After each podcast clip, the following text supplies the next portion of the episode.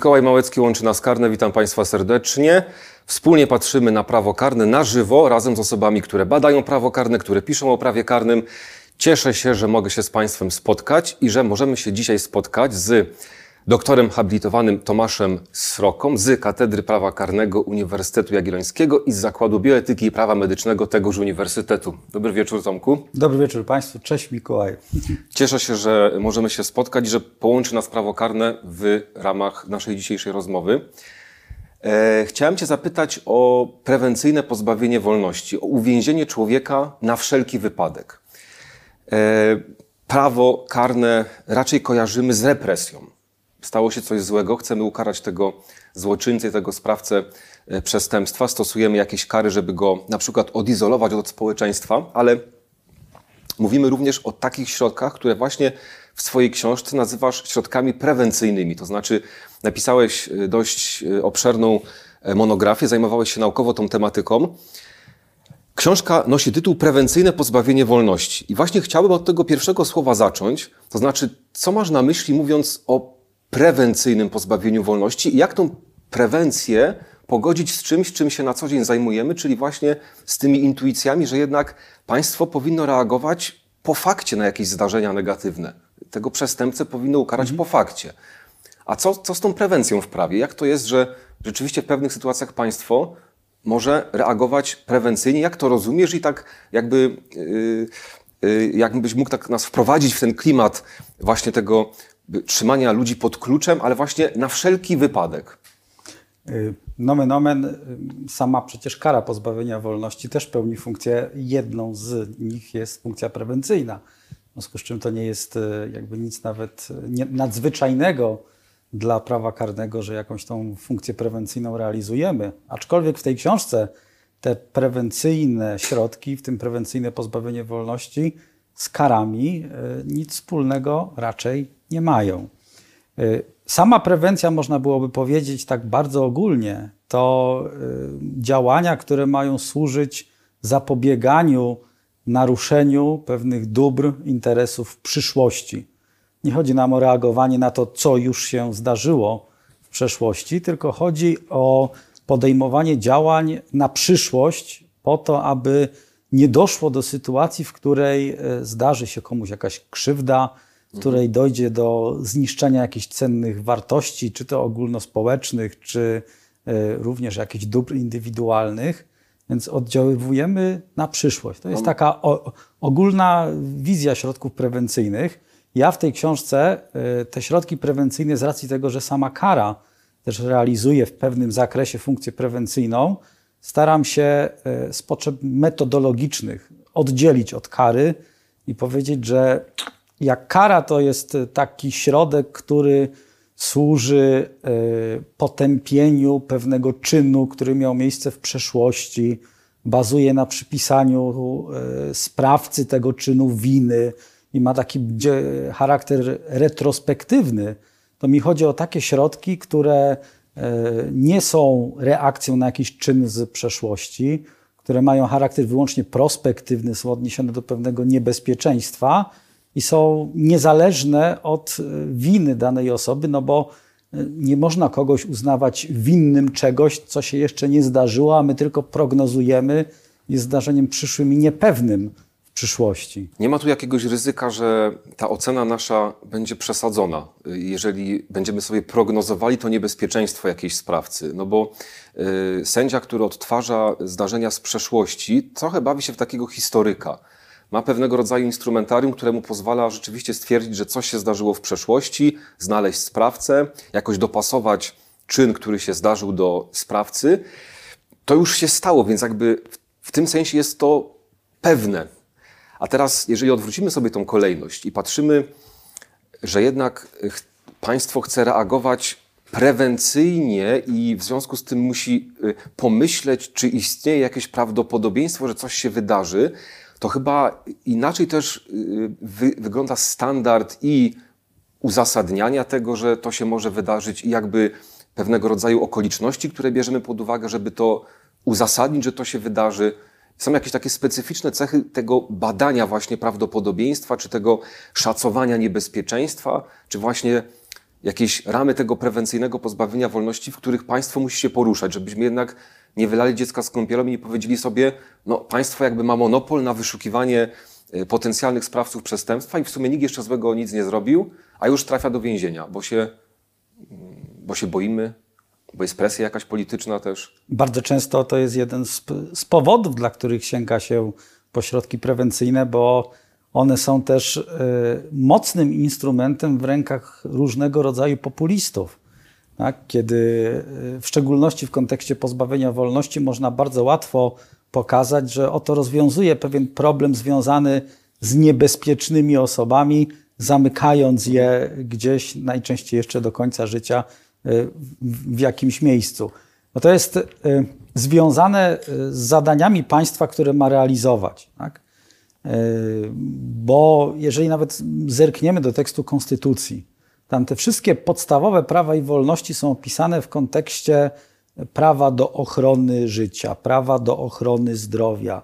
Jest kwestia ochrony wolności osobistej, wolności no, w ramach niej między innymi na przykład seksualnej i tak dalej, i tak dalej. No i teraz y, nie da się realizować przez państwo w pełnym zakresie tejże ochrony, jak to państwo będzie działać tylko i wyłącznie retrospektywnie, to znaczy jak już ktoś zostanie tego życia pozbawiony, ktoś już dozna uszczerbku na zdrowiu, mhm. ktoś stanie się ofiarą przestępstwa y, seksualnego, to wtedy państwo zadziała swoim wymiarem sprawiedliwości, jus puniendi, y, dojdzie do ukarania sprawcy, no bo to jest wszystko retrospektywne, post factum się dzieje.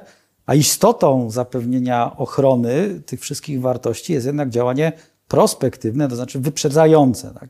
Prewencyjnie e, chcemy uniemożliwić, aby zdarzyły się pewne rzeczy, które miałyby naruszać e, właśnie te istotne interesy.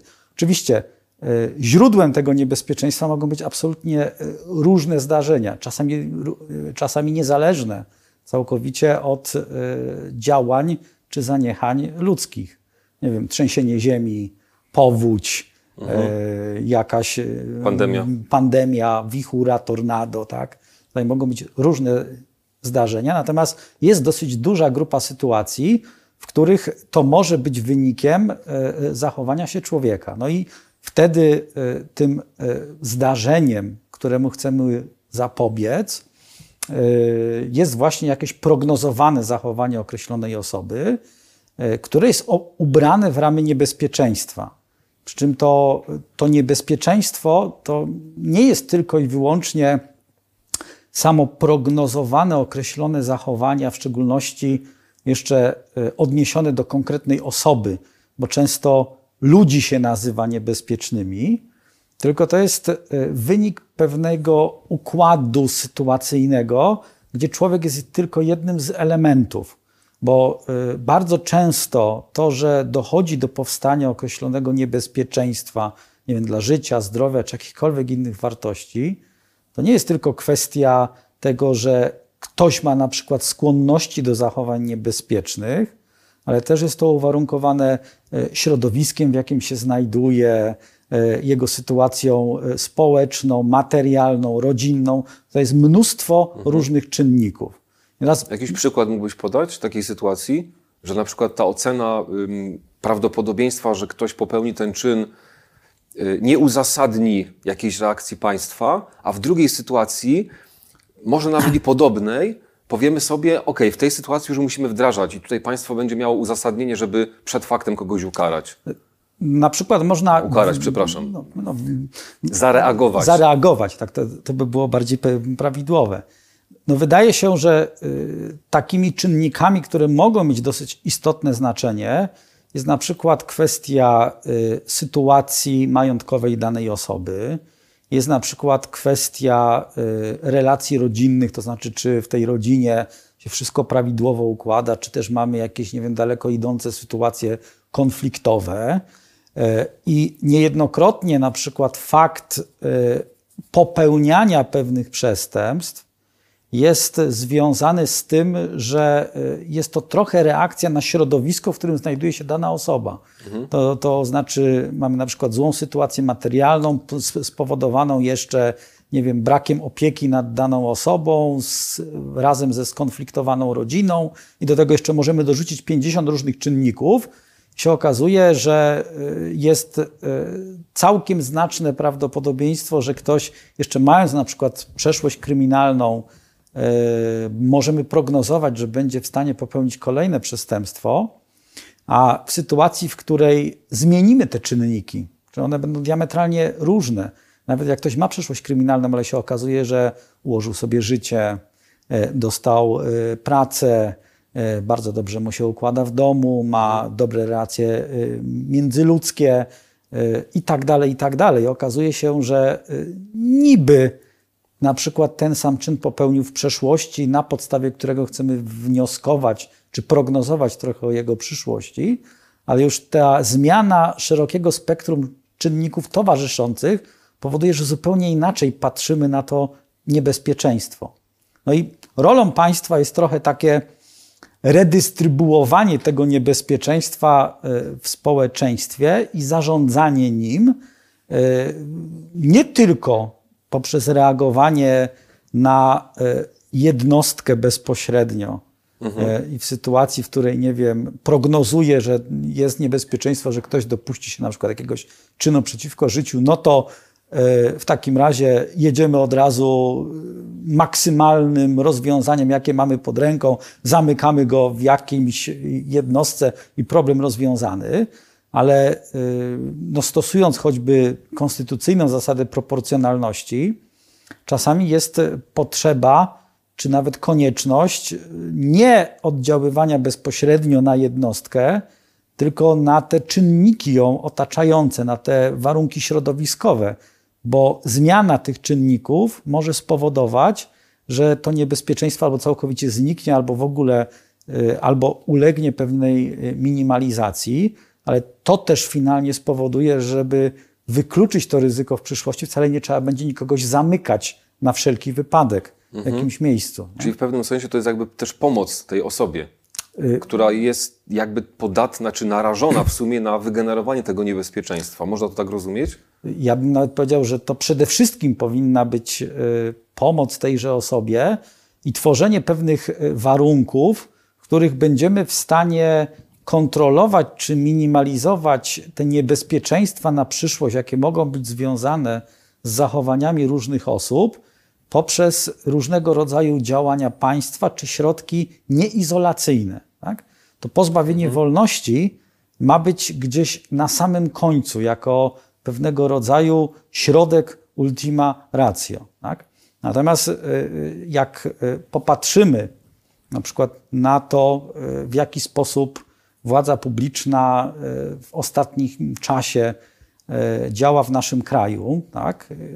i to nie chcę się tutaj odnosić bynajmniej do żadnych kierunków politycznych, mhm. No to mamy szerokie spektrum środków o charakterze postpenalnym, które są środkami izolacyjnymi, łącznie ze słynnym ośrodkiem w Gostyninie. Rozmawialiśmy tak? nawet na ten tak. temat w naszym programie. Co już. do którego nomen nomen nawet trzeba było otworzyć oddział zamiejscowy zrobiony w jakimś tam jednostce penitencjarnej trochę y, y, zmienianej. Tak? To już się przepełnił.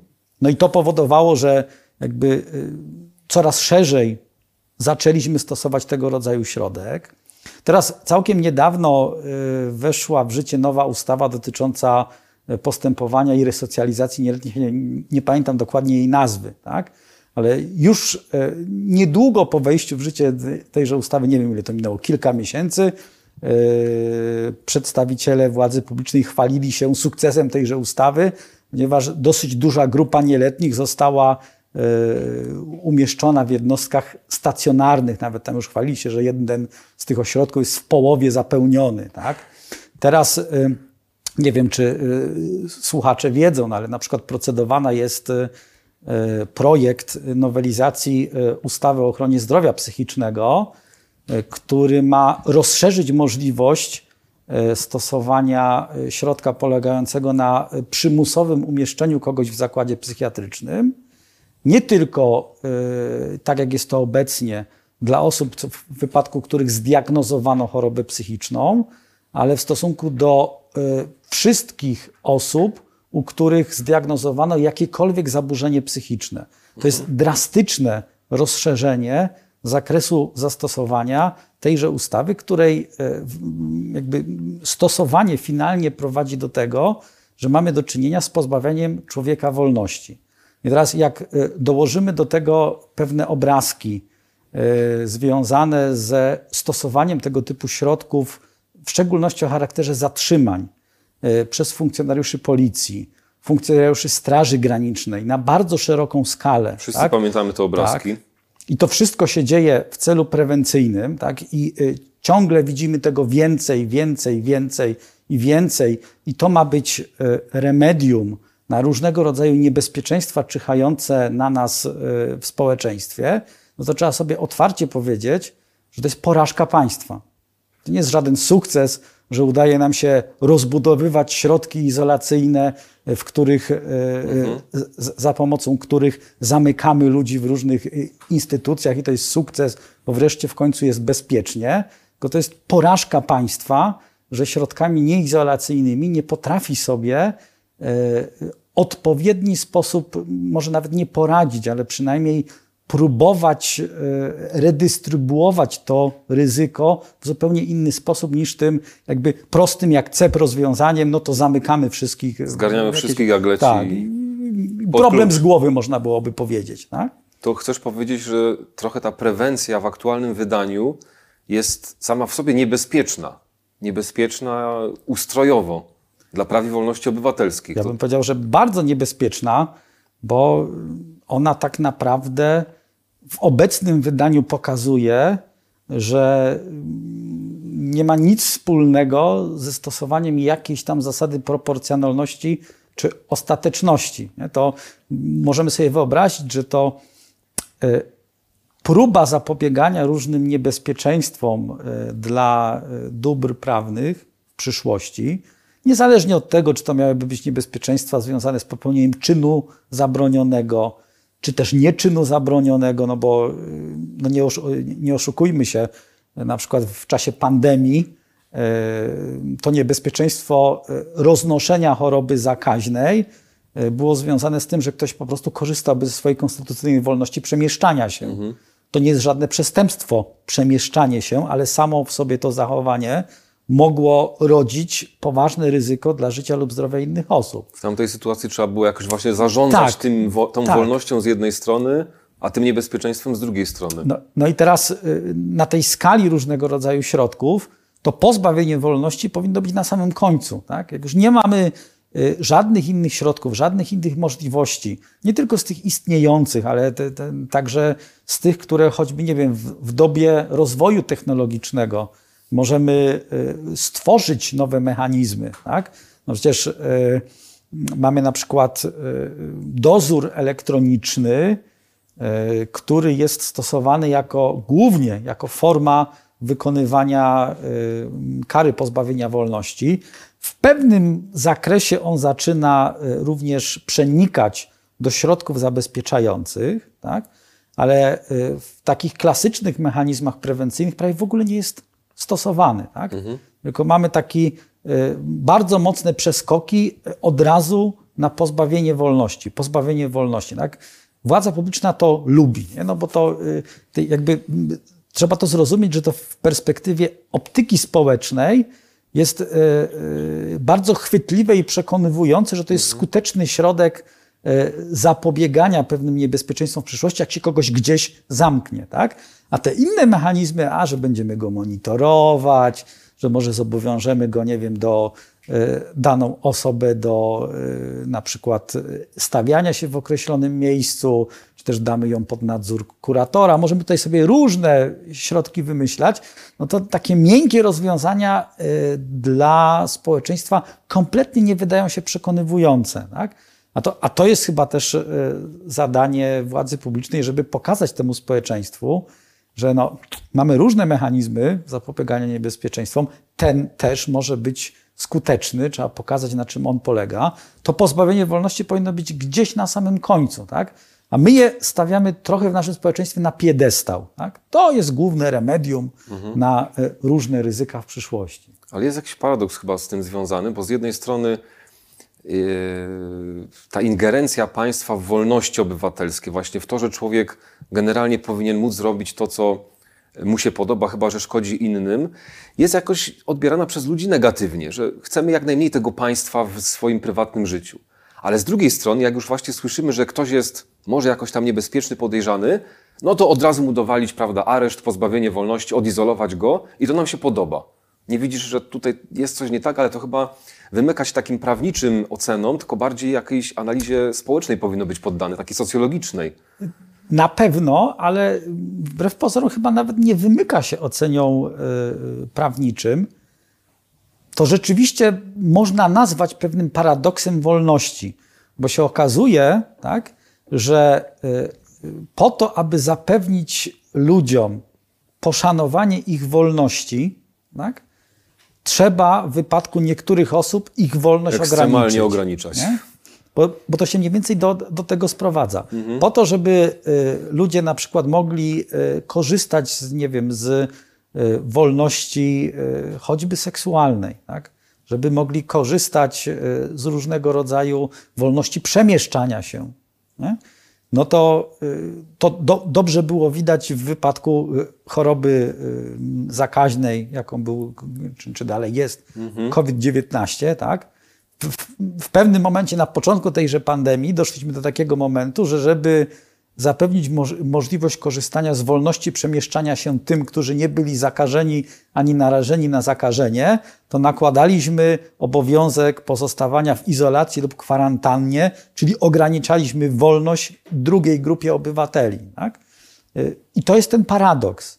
I czasami yy,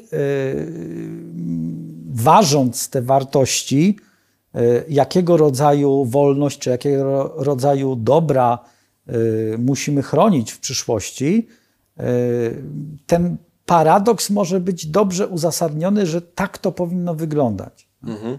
Chyba tutaj duża rola państwa i odpowiedzialnego państwa, żeby tylko odpowiednio ważyć te sytuacje i, i ważyć te środki, za pomocą których będzie tą wolność ograniczało. Ale jak przy tym jesteśmy, to właśnie chciałem Cię zapytać o drugie, drugi człon tytułu Twojej książki, bo wyjaśniliśmy sobie trochę to słowo prewencja, ale właśnie chodzi Ci w książce o prewencyjne pozbawienie wolności.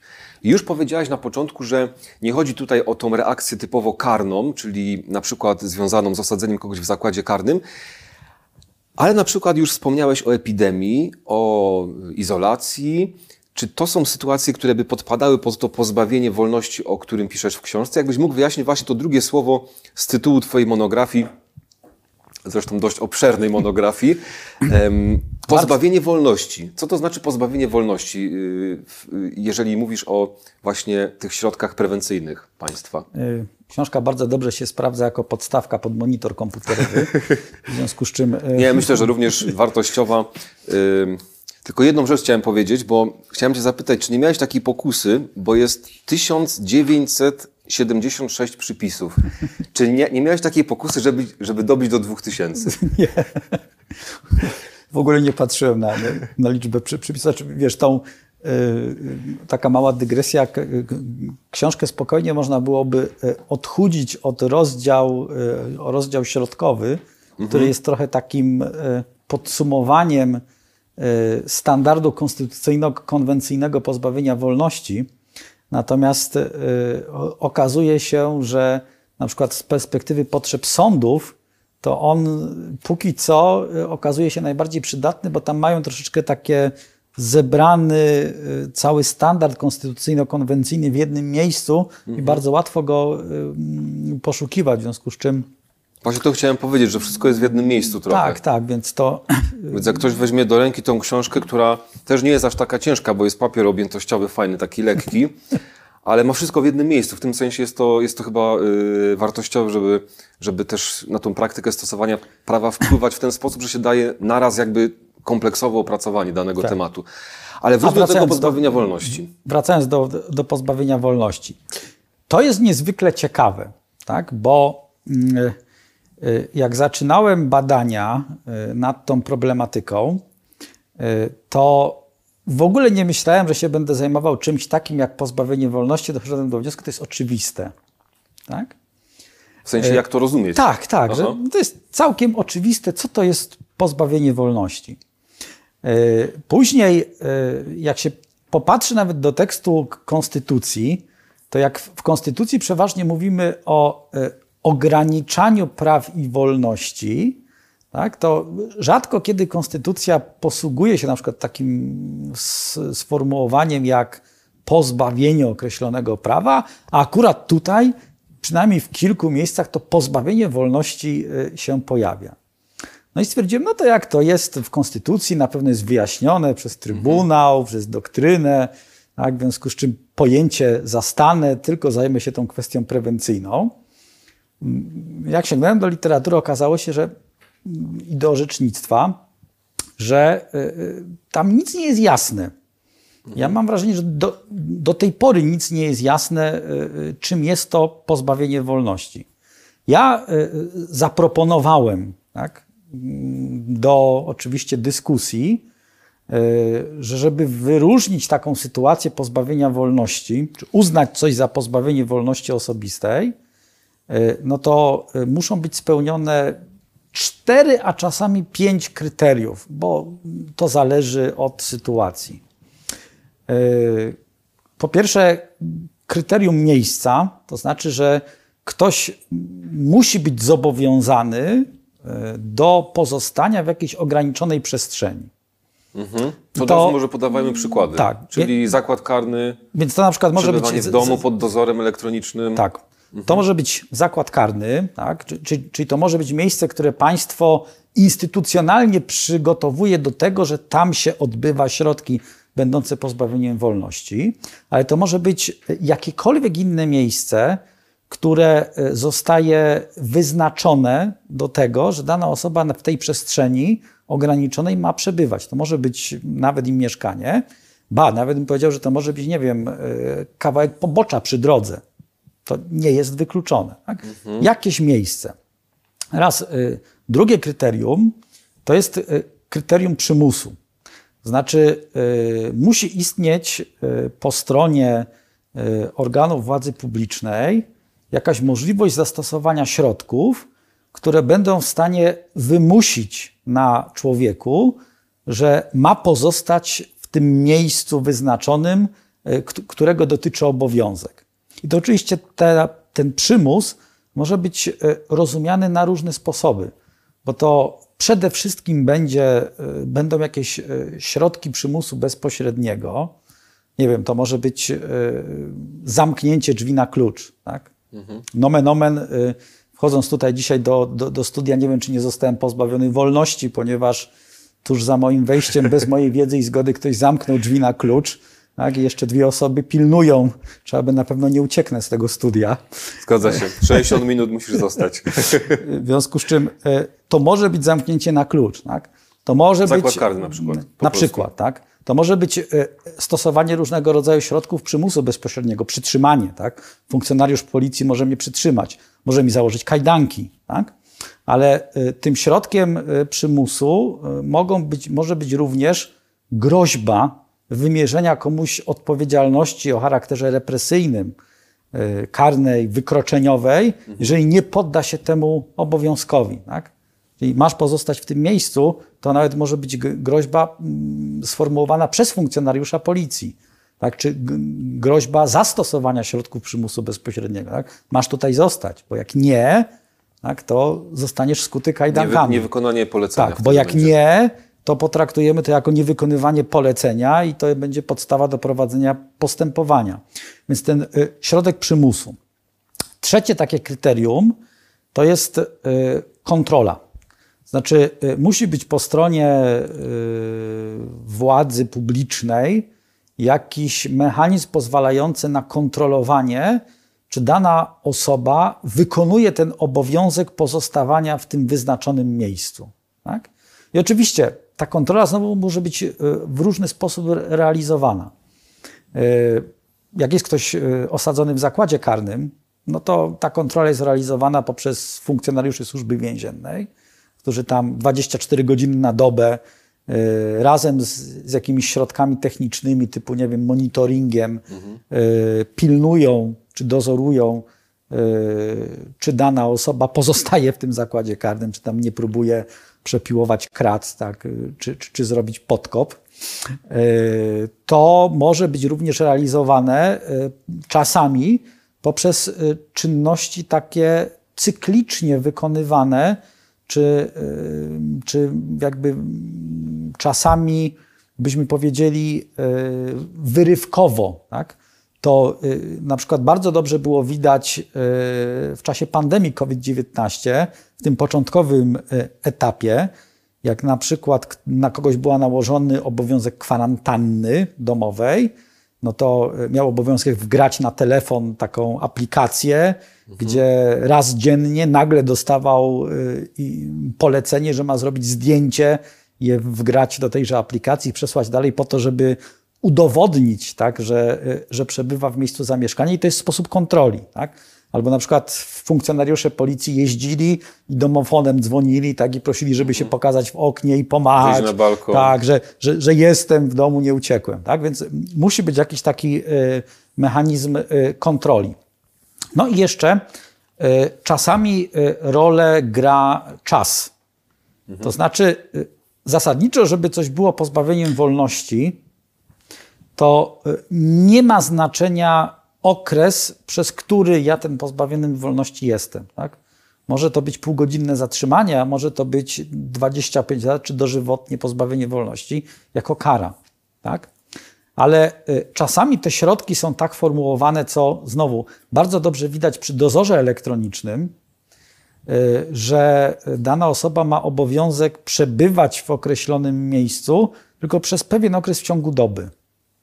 I to mhm. różnie może być modelowane. I teraz, y, czy to jest, czy to nie jest pozbawienie wolności, to będzie zależało od tego, y, kiedy i jak długi będzie ten okres, y, ten czas, w którym ma pozostawać w tym wyznaczonym miejscu.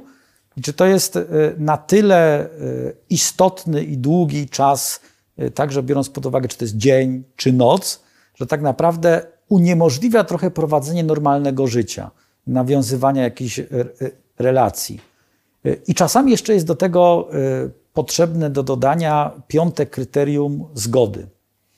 To znaczy, są takie miejsca, gdzie się wykonuje pozbawienie wolności, ale gdzie można za zgodą swoją się znaleźć.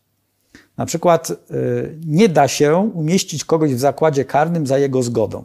Jak nie jest w stosunku do niego wykonywany, nie wiem, kara pozbawienia wolności, czy, czy Yy, na przykład środek zapobiegawczy w postaci tymczasowego aresztowania. Nie, nie mogę przyjść i, po, i poprosić, chciałbym teraz sobie posiedzieć, nie wiem, dwa miesiące w zakładzie karnym. Proszę bardzo, witamy yy, z otwartymi rękami, tak? Ale na przykład szpital już takim miejscem jest, tak? gdzie można wyrazić zgodę na to, aby być w szpitalu. No i wtedy yy, brak zgody na pobyt w takim miejscu może być tym kryterium rozstrzygającym, że mamy albo nie mamy do czynienia z z pozbawieniem wolności. I oczywiście ten, y, y, te klasyczne sytuacje, y, jak tymczasowy areszt, kara pozbawienia wolności, zatrzymanie, nie wiem, w izbie zatrzymań na policji, one są zazwyczaj trafnie kojarzone z pozbawieniem wolności, ale chyba trzeba sobie uzmysłowić, że ta paleta środków, które może tworzyć państwo, a które jest pozbawieniem wolności, jest bardzo, bardzo szeroka. Y, wspominaliśmy o tej y, kwarantannie. Tak? Mhm. Mało kto by tak intuicyjnie powiedział, że pobyt na kwarantannie domowej w trakcie pandemii COVID-19 to jest pozbawienie wolności osobistej. A teraz, jak y, przejrzymy się istocie tego środka, tak? analizując sobie krok po kroku przez te kryteria. Jest nałożony na mnie obowiązek pozostawania w określonej, ograniczonej przestrzeni, mój dom albo moje mieszkanie. E, przy istniejących środkach przymusu, ponieważ e, jest to obwarowane niewykonanie tego obowiązku i odpowiedzialnością administracyjno-prawną, i odpowiedzialnością wykroczeniową, a w pewnych wypadkach nawet jest możliwość pociągnięcia do odpowiedzialności karnej. Mhm. Dodatkowo funkcjonariusze policji w trakcie pandemii COVID-19 mieli ustawowe kompetencje do tego, aby osobę, która oddala się z miejsca kwarantanny, przy zastosowaniu środków przymusu sprowadzić z powrotem do miejsca. Tak? Więc kryterium przymusu spełnione. Kryterium kontroli, to już żeśmy troszeczkę y, y, Tak. y, rozmawiali, te wizyty policji czy aplikacje. No i to był obowiązek, y, który miał być wykonywany w sposób ciągły. Tak? Ciągły pobyt w ciągu, y, przez cały okres trwania kwarantanny, te kilka dni może z, z, z wyłączeniem ewentualnego kontrolnego badania, ale w tymże y, miejscu zamieszkania. Klasyczne pozbawienie wolności. To jeszcze jeden bym przy, przykład pandemiczny podał. Był y, zakaz wychodzenia w noc sylwestrową z y, roku 2021 na 2022, chyba dobrze mówię. Czy byś uznał taki zakaz wychodzenia, zakaz przemieszczania się w noc sylwestrową bez celu za też pozbawienie wolności ludzi? Chyba nie, bo to było tylko y, zakaz przemieszczania się, ale wychodzić można było. Tylko trzeba Mhm. ale było mieć. mieć cel tak, tam, tam był bardzo szeroki, y, wbrew pozorom. Chodzenie bez celu? Nie, to, to, to, by nie było. To, to by nie było. Y, Trochę ten las się kojarzy nie? I, i zakaz wychodzenia do lasu. Nie, bo y, trzeba odróżnić też y, y, ograniczenie samej możliwości przemieszczania się. Nie wiem, ta mm, czasowe zamknięcie na przykład granic. Tak? Y, To nie oznaczyło, że 38 milionów obywateli naszego kraju zostało pozbawionych wolności, bo nie mogli wyjechać za granicę, tak? Y, y, tylko właśnie ograniczenie wolności przemieszczania się. Y, Natomiast y, ten zakaz wychodzenia w Sylwestra to nie, to nie, to za mało. E, Dobrze, Mateuszu, no to wyświetlmy i zobaczymy, e, jak nasz gość sobie z nim poradzi. Pan Albert pyta, Tomku, czy takie zatrzymanie może być wliczone w poczet ewentualnej kary? I czy po ewentualnym uniewinnieniu można domagać się odszkodowania? E, Tutaj nie wiem, co pan Albert miał na myśli, jeżeli chodzi o kwestię zatrzymania.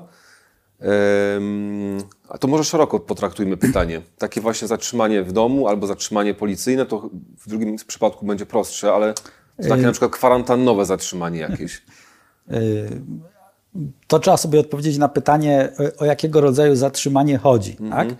Y, Bo generalnie w kodeksie karnym mamy zasadę, że na poczet wymierzonej kary należy zaliczyć okres rzeczywistego pozbawienia wolności w sprawie nie ma znaczenia, w jakiej formie było to pozbawienie wolności. Ważne jest jedynie, aby ono było w sprawie. W związku z czym, y, jeżeli to by były y, zatrzymania dokonywane przez y, funkcjonariuszy policji na różnego rodzaju podstawach, tak?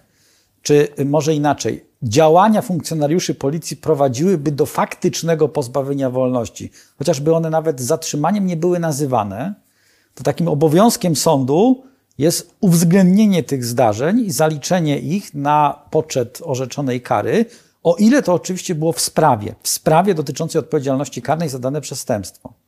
W tą, y, z tą kwarantanną czy izolacją domową to byłby problem, ponieważ y, ono, y, tego rodzaju pozbawienie wolności pewnie nie byłoby w sprawie.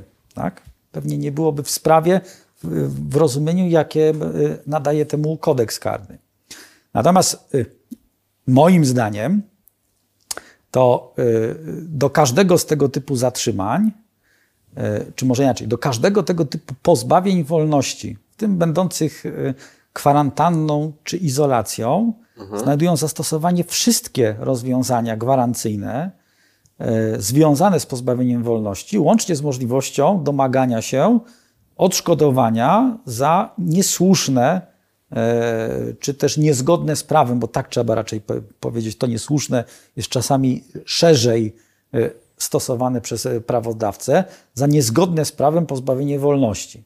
I w związku z czym e, nie ma żadnych przeszkód, jeżeli by się okazało, że e, e, na przykład kwarantanna albo izolacja e, domowa w czasie COVID-19, bo ja jeszcze pragnę zwrócić uwagę tylko na jedną rzecz, tak dodać, że ta nie da się tak y, abstrakcyjnie powiedzieć, że kwarantanna i izolacja to zawsze pozbawienie wolności. Tak? To musimy zawsze ocenić ten konkretny środek wykonywany w, w danym reżimie prawnym. Tak? I ta pandemia COVID-19 trochę podkręciła ten sposób wykonywania izolacji czy kwarantanny niż przed pandemią. Tak? Natomiast nie ma żadnych przeszkód co do tego, że jeżeli okazałoby się, że ta izolacja czy kwarantanna domowa była niezgodnie z prawem nałożona i następnie wykonywana, no to doszło do niezgodnego z prawem pozbawienia wolności i to otwiera drogę do dochodzenia roszczeń. No, czy to roszczeń, jak mówimy tutaj o roszczeniach cywilnoprawnych, to jest klasyczne naruszenie dobra osobistego, jakim jest wolność. Tak? Mhm. Jak ktoś został niezgodnie z prawem jej pozbawiony poprzez zobowiązanie do pobytu w określonym miejscu. Nie ma przeszkód dla mnie. A mam jeszcze do Ciebie takie pytanie terminologiczne a propos tego konstytucyjnego rozumienia pozbawienia wolności. Czy rozumiesz to pozbawienie wolności bardziej faktycznie, czy bardziej normatywnie? To znaczy, na przykład y, taka sytuacja, w której y, organy państwa nie tylko fizycznie pozbawiają człowieka wolności, ale stosują takie środki, które przybierają postać na przykład tortury albo niehumanitarnego traktowania. I teraz, czy można powiedzieć, że w takiej sytuacji w ogóle nie da się rozpatrywać tego zdarzenia w kategoriach jakiegoś słusznego albo niesłusznego pozbawienia wolności, legalnego, nielegalnego pozbawienia wolności, tylko że w ogóle to kategorialnie wypadłoby z pojęcia pozbawienie wolności, że to jest coś gorszego, co w ogóle nie mieści się w pojęciu ym, ym, możliwym do zastosowania przez organy państwa. Chodzi mi na przykład właśnie na przykład o torturowanie mhm. osoby zatrzymanej mhm. przez funkcjonariuszy policji e, na komendzie, czy w tym zakresie, w jakim ta osoba była poddawana torturom. Można tu mówić, że trwał okres pozbawiania wolności, czy też to w ogóle trzeba y, oddzielić i powiedzieć, to pozbawienie wolności konstytucyjnej to jest jednak coś, do czego państwo ma uprawnienie w pewnych mhm. sytuacjach. Mhm. Natomiast coś, co przybiera postać kwalifikowaną i może być nazwane w sensie konstytucyjnym też torturą, czy niehumanitarnym traktowaniem człowieka, że to w ogóle jest coś, co, co jest nie do pomyślenia i jest ekstremalnym naruszeniem jakiegoś standardu mm -hmm. prawnego. Mm -hmm. Ja bym powiedział, że y, to pozbawienie wolności ze względu na cel rozwiązań konstytucyjnych, którymi jest ochrona interesów jednostki i ochrona jej praw i wolności, nie może być y, rozumiane tak wąsko, tylko w zakresie legalnych działań państwa. Tak? Chodzi o te sytuacje, w których przy spełnieniu podanych przeze mnie kryterium dochodzi do rzeczywistego pozbawienia kogoś wolności. To, że to się dzieje na skutek y, nielegalnych działań państwa, mhm. to jest tylko i wyłącznie podstawa do y, dalej idących konsekwencji, jakie można wyciągać w stosunku do państwa za to, że ograniczyło moją wolność osobistą w sposób niekonstytucyjny.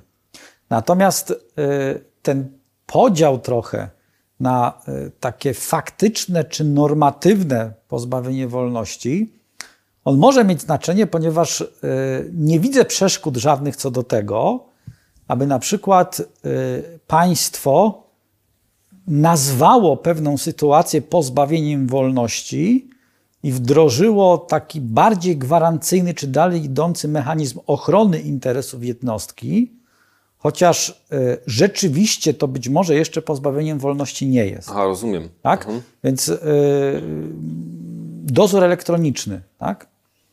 To, że y, wykonujemy karę pozbawienia wolności w systemie dozoru elektronicznego, to nie oznacza, że w każdym tym wypadku tak z faktycznego punktu widzenia ten więzień tak, jest pozbawiony wolności. Mhm. Tak?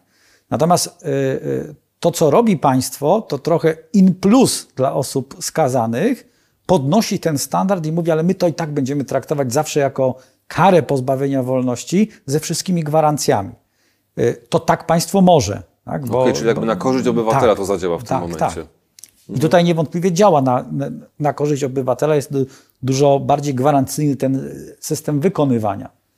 A jeszcze powiedz mi a propos właśnie tego rozróżnienia, bo kodeks karny posługuje się dwoma pojęciami: pozbawienie wolności, ograniczenie wolności. Da się to jakoś przełożyć właśnie na pojęcia czy y, nomenklaturę y, konstytucyjną?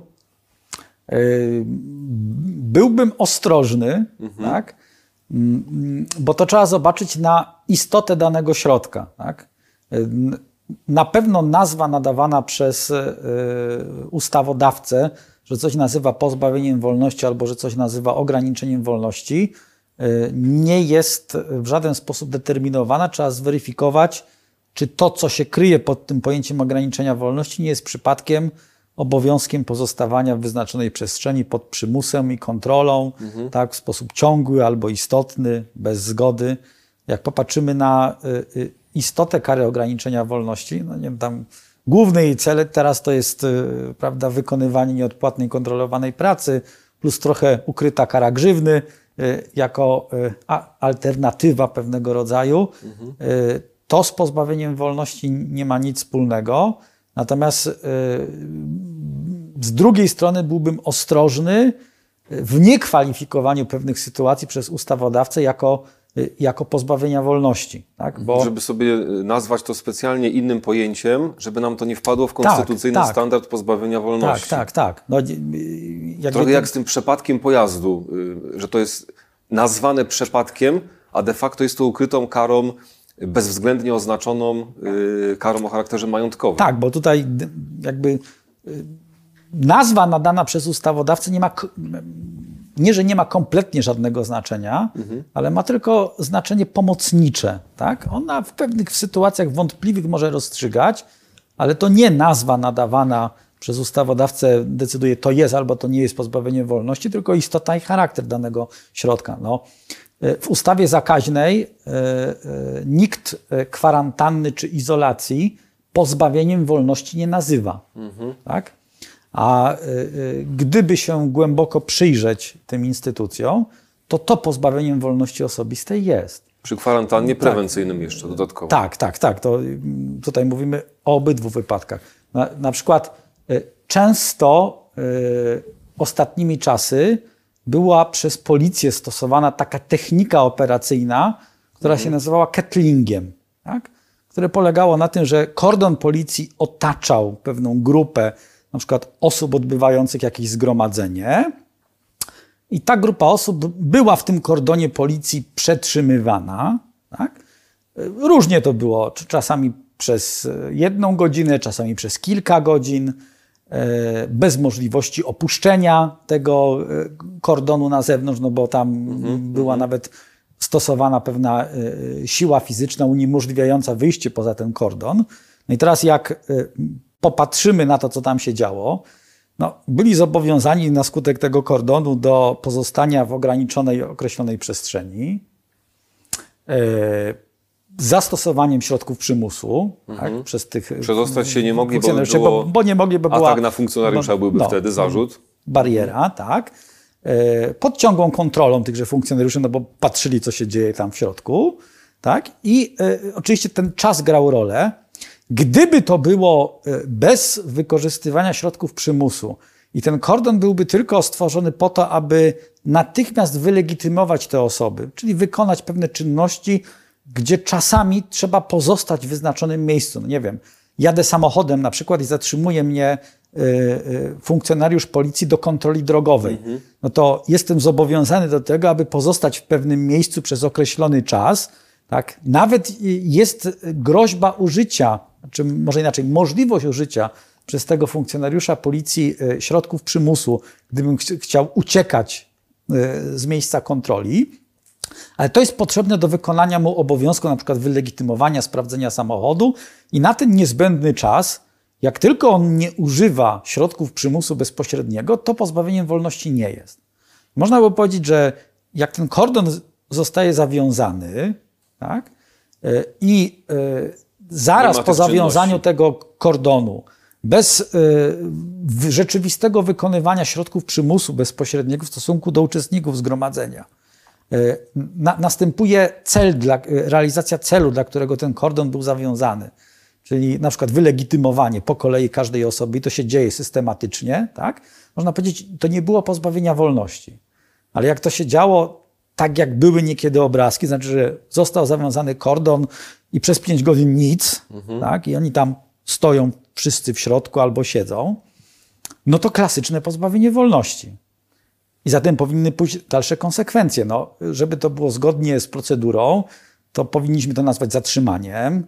Z tego powinien być sporządzony protokół zatrzymania każdej z tych osób, która jest w środku.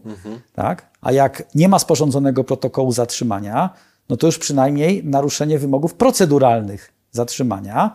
A jakby nie było podstaw materialno-prawnych, to jeszcze y, i y, wymogów y, materialno-prawnych. I to można byłoby nazwać niektóre z tych wypadków niezgodnym z prawem pozbawieniem wolności. Chociaż y, w większości wypadków funkcjonariusze policji w ogóle tego pozbawieniem wolności nie kwalifikowali. Tak, tak. Policja się wtedy tłumaczyła, że nie, to nie było pozbawienie wolności, bo to nie było zatrzymanie, bo nie były prowadzone żadne czynności i nie został sporządzony protokół zatrzymania. Więc jakby postawienie sprawy stronę. do góry nogami. Na głowie. Y, Zupełnie na głowie. Dobra, dawaj Mateuszu. E, Czytamy pytanie. Dobry wieczór. Czy uważa Pan, dobry wieczór, że stosowne i ekonomiczne byłoby ograniczenie stosowania kary pozbawienia wolności do ciężkich przestępstw przeciwko życiu i zdrowiu? Czyli kara pozbawienia wolności tylko do ciężkich przestępstw przeciwko życiu i zdrowiu. Na przykład przestępstwa gospodarcze, przestępstwa przeciwko mieniu. Żeby, Żeby nie stosować w ogóle pozbawienia wolności. żeby nie były zagrożone karą pozbawienia wolności. Y, To jest już Pytanie troszkę o jakąś proporcjonalność, Nie. prawda? Chyba konstytucyjną. też, też, ale to jest jednak już troszkę inna kwestia, ponieważ w wypadku pozbawienia wolności, który jest sankcją, chodzi nam jeszcze o e, element e, represyjny tejże sankcji, to znaczy to ma być zadanie pewnej dolegliwości. Mhm. Tym się to różni od y, prewencji, tego uwięzienia na wszelki wypadek. między innymi. I to jest e, kwestia e, polityki państwa e, i tego, jak społeczeństwo widzi tą politykę, oczywiście ubraną w konstytucyjne ramy proporcjonalności, co do tego, na czym powinna polegać sprawiedliwa dolegliwość zadawana sprawcy w reakcji na popełniony przez niego w przeszłości czyn zabroniony. E, I e, nie wiem, czy przy obecnym e,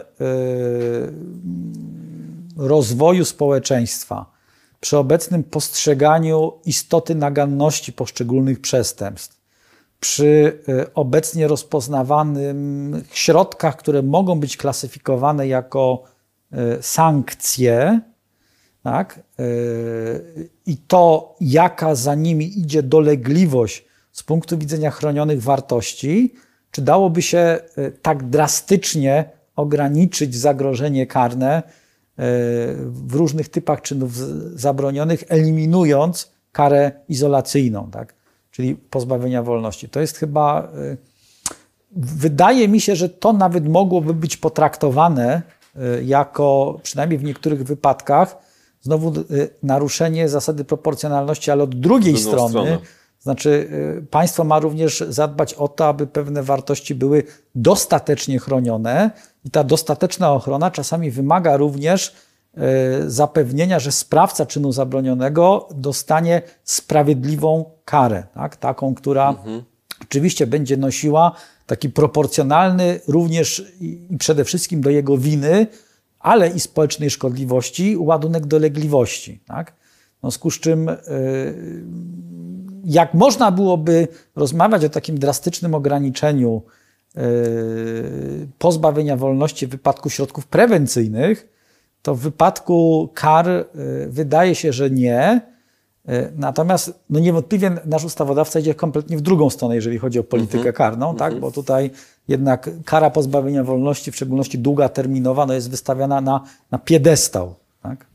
Tomku, pisałeś o uwięzieniu prewencyjnym, uwięzieniu na wszelki wypadek. Powiedz mi, co było inspiracją do napisania tej książki? Czy była jakaś taka inspiracja właśnie Była. bardziej naukowa, czy bardziej praktyczna, czy może tak ci się nagle wydało, kurczę, to jest jakiś problem, to zresztą mówiłeś o tym, prawda, że współczesna polityka państwa y, trochę szafuje tymi y, prewencyjnymi środkami reakcji. Jakbyś mógł trochę powiedzieć o tym właśnie, co cię popchnęło? Zawsze mnie to ciekawi, dlaczego dany autor, dla, dlaczego dany badacz y, podejmuje dany temat. Y, To prewencyjne pozbawienie wolności y, trzeba pamiętać, że jest związane z niebezpieczeństwem naruszenia pewnych dóbr przez zachowanie człowieka, które wcale nie musi być czynem zabronionym. Tak? E, to może wynikać również z zachowań, które co do zasady takimi czynami zabronionymi nie są, ale ze względu na pewien kontekst sytuacyjny, czy e, brak e, możliwości kontroli zachowania przez daną osobę, takie niebezpieczeństwo mogą nieakceptowane powodować. Dlaczego o tym mówię? Ponieważ cała idea zrodziła się o już dawno temu w studenckiej poradni prawnej e, naszego uniwersytetu. Mhm. Mianowicie e, w sekcji funkcjonującej przez pewien okres czasu, w sekcji prawa medycznego, zgłosiła się do nas klientka, której członek rodziny został umieszczony w szpitalu psychiatrycznym. Tak? i zgłosiła się na prośbę z pełnomocnictwem tego członka rodziny, e, aby pomóc wdrożyć jakieś działania, które miałyby spowodować e, powtórną weryfikację potrzeby pobytu w, szpitalu psychiatrycznym. I teraz e, w ustawie o ochronie zdrowia psychicznego jest takie rozwiązanie, że jak ktoś zostanie przyjęty do szpitala psychiatrycznego bez zgody, i to zostanie następczo zaaprobowane przez sąd, e, to ta osoba ma możliwość e, złożenia wniosku o wypis e, ze szpitala do ordynatora. Ten ordynator musi ocenić, czy zasadnie, czy niezasadny jest tenże wniosek w perspektywie przesłanek, znaczy, czy ta osoba dalej jest niebezpieczna dla życia swojego albo życia lub zdrowia innych osób. I jeżeli pozytywnie rozpatruje tenże wniosek, no to dokonuje wypisu, a jak negatywnie jest odmowa uwzględnienia mhm. tego wniosku, e, to e, wówczas można się odwołać do sądu i to daje właśnie tą opcję powtórnej analizy całej sytuacji przez sąd. No i ta pani zgłosiła się do nas na początku roku akademickiego. E, my sporządziliśmy właśnie taki e, projekt wniosku o wypis ze szpitala psychiatrycznego. Przekazała to członkowi rodziny. Tenże członek rodziny złożył ten wniosek, nie wiem, to był być może listopad. Tak? I y, odpowiedź odmowna kierownika czy ordynatora oddziału, o ile dobrze pamiętam, była na, na przełomie lutego i marca przyszłego roku rozpatrywał ten wniosek, jakby faktycznie wstrzymując e, możliwość e, dokonania sądowej kontroli pozbawienia wolności przez dobre 3-4 miesiące. Mhm. E, I wtedy zapaliła się we mnie taka myśl, no tak być nie może.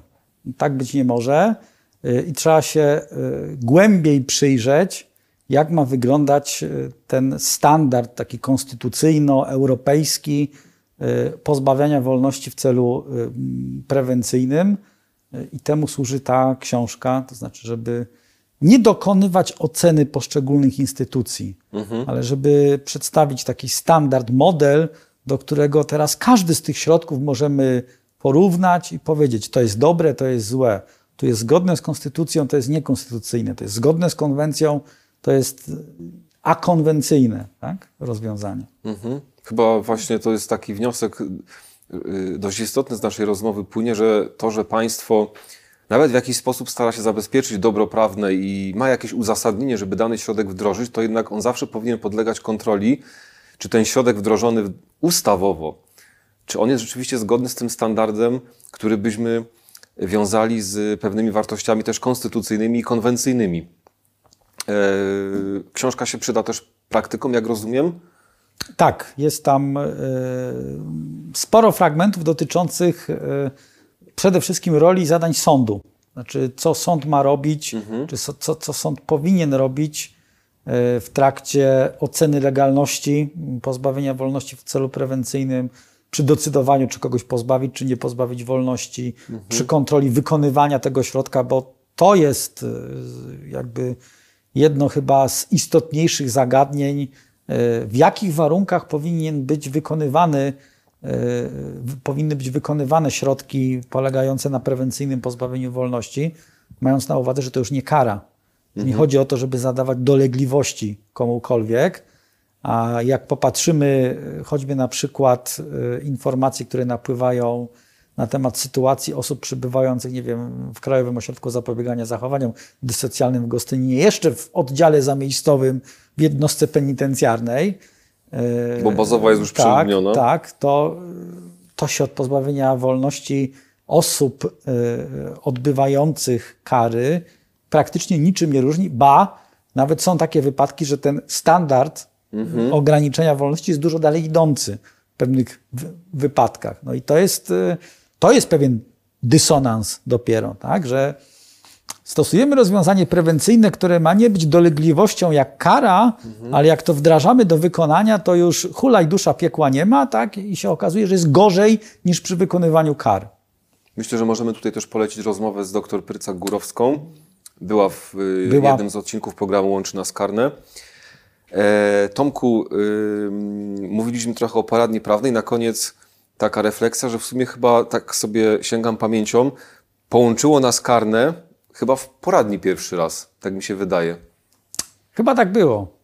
Ja byłem asystentem, tak? Mhm. W sekcji ja karnej. Wtedy byłem studentem. Mikołaj był wtedy studentem, tak? Przyszedł do poradni taki nieopierzony jeszcze, adept e, prawa, walczył dzielnie z klientami, tak?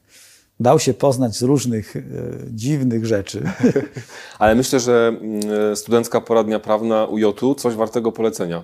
Bardzo, bardzo. Dobre doświadczenie chyba studenckie bardzo, wszystkim osobom studiującym. Bardzo, Warto chyba polecić, żeby się wdrażać. Bardzo polecamy, bo to, to pokazuje nie tylko taką mechaniczną praktykę tak, stosowania prawa, ale pokazuje też pewną głębię, czy wyczula na potrzeby różnych osób mhm. Y, i pokazuje troszeczkę, jak to prawo stosować w sposób najbardziej optymalny, aby w pełni poszanować interesy wszystkich osób. Tak?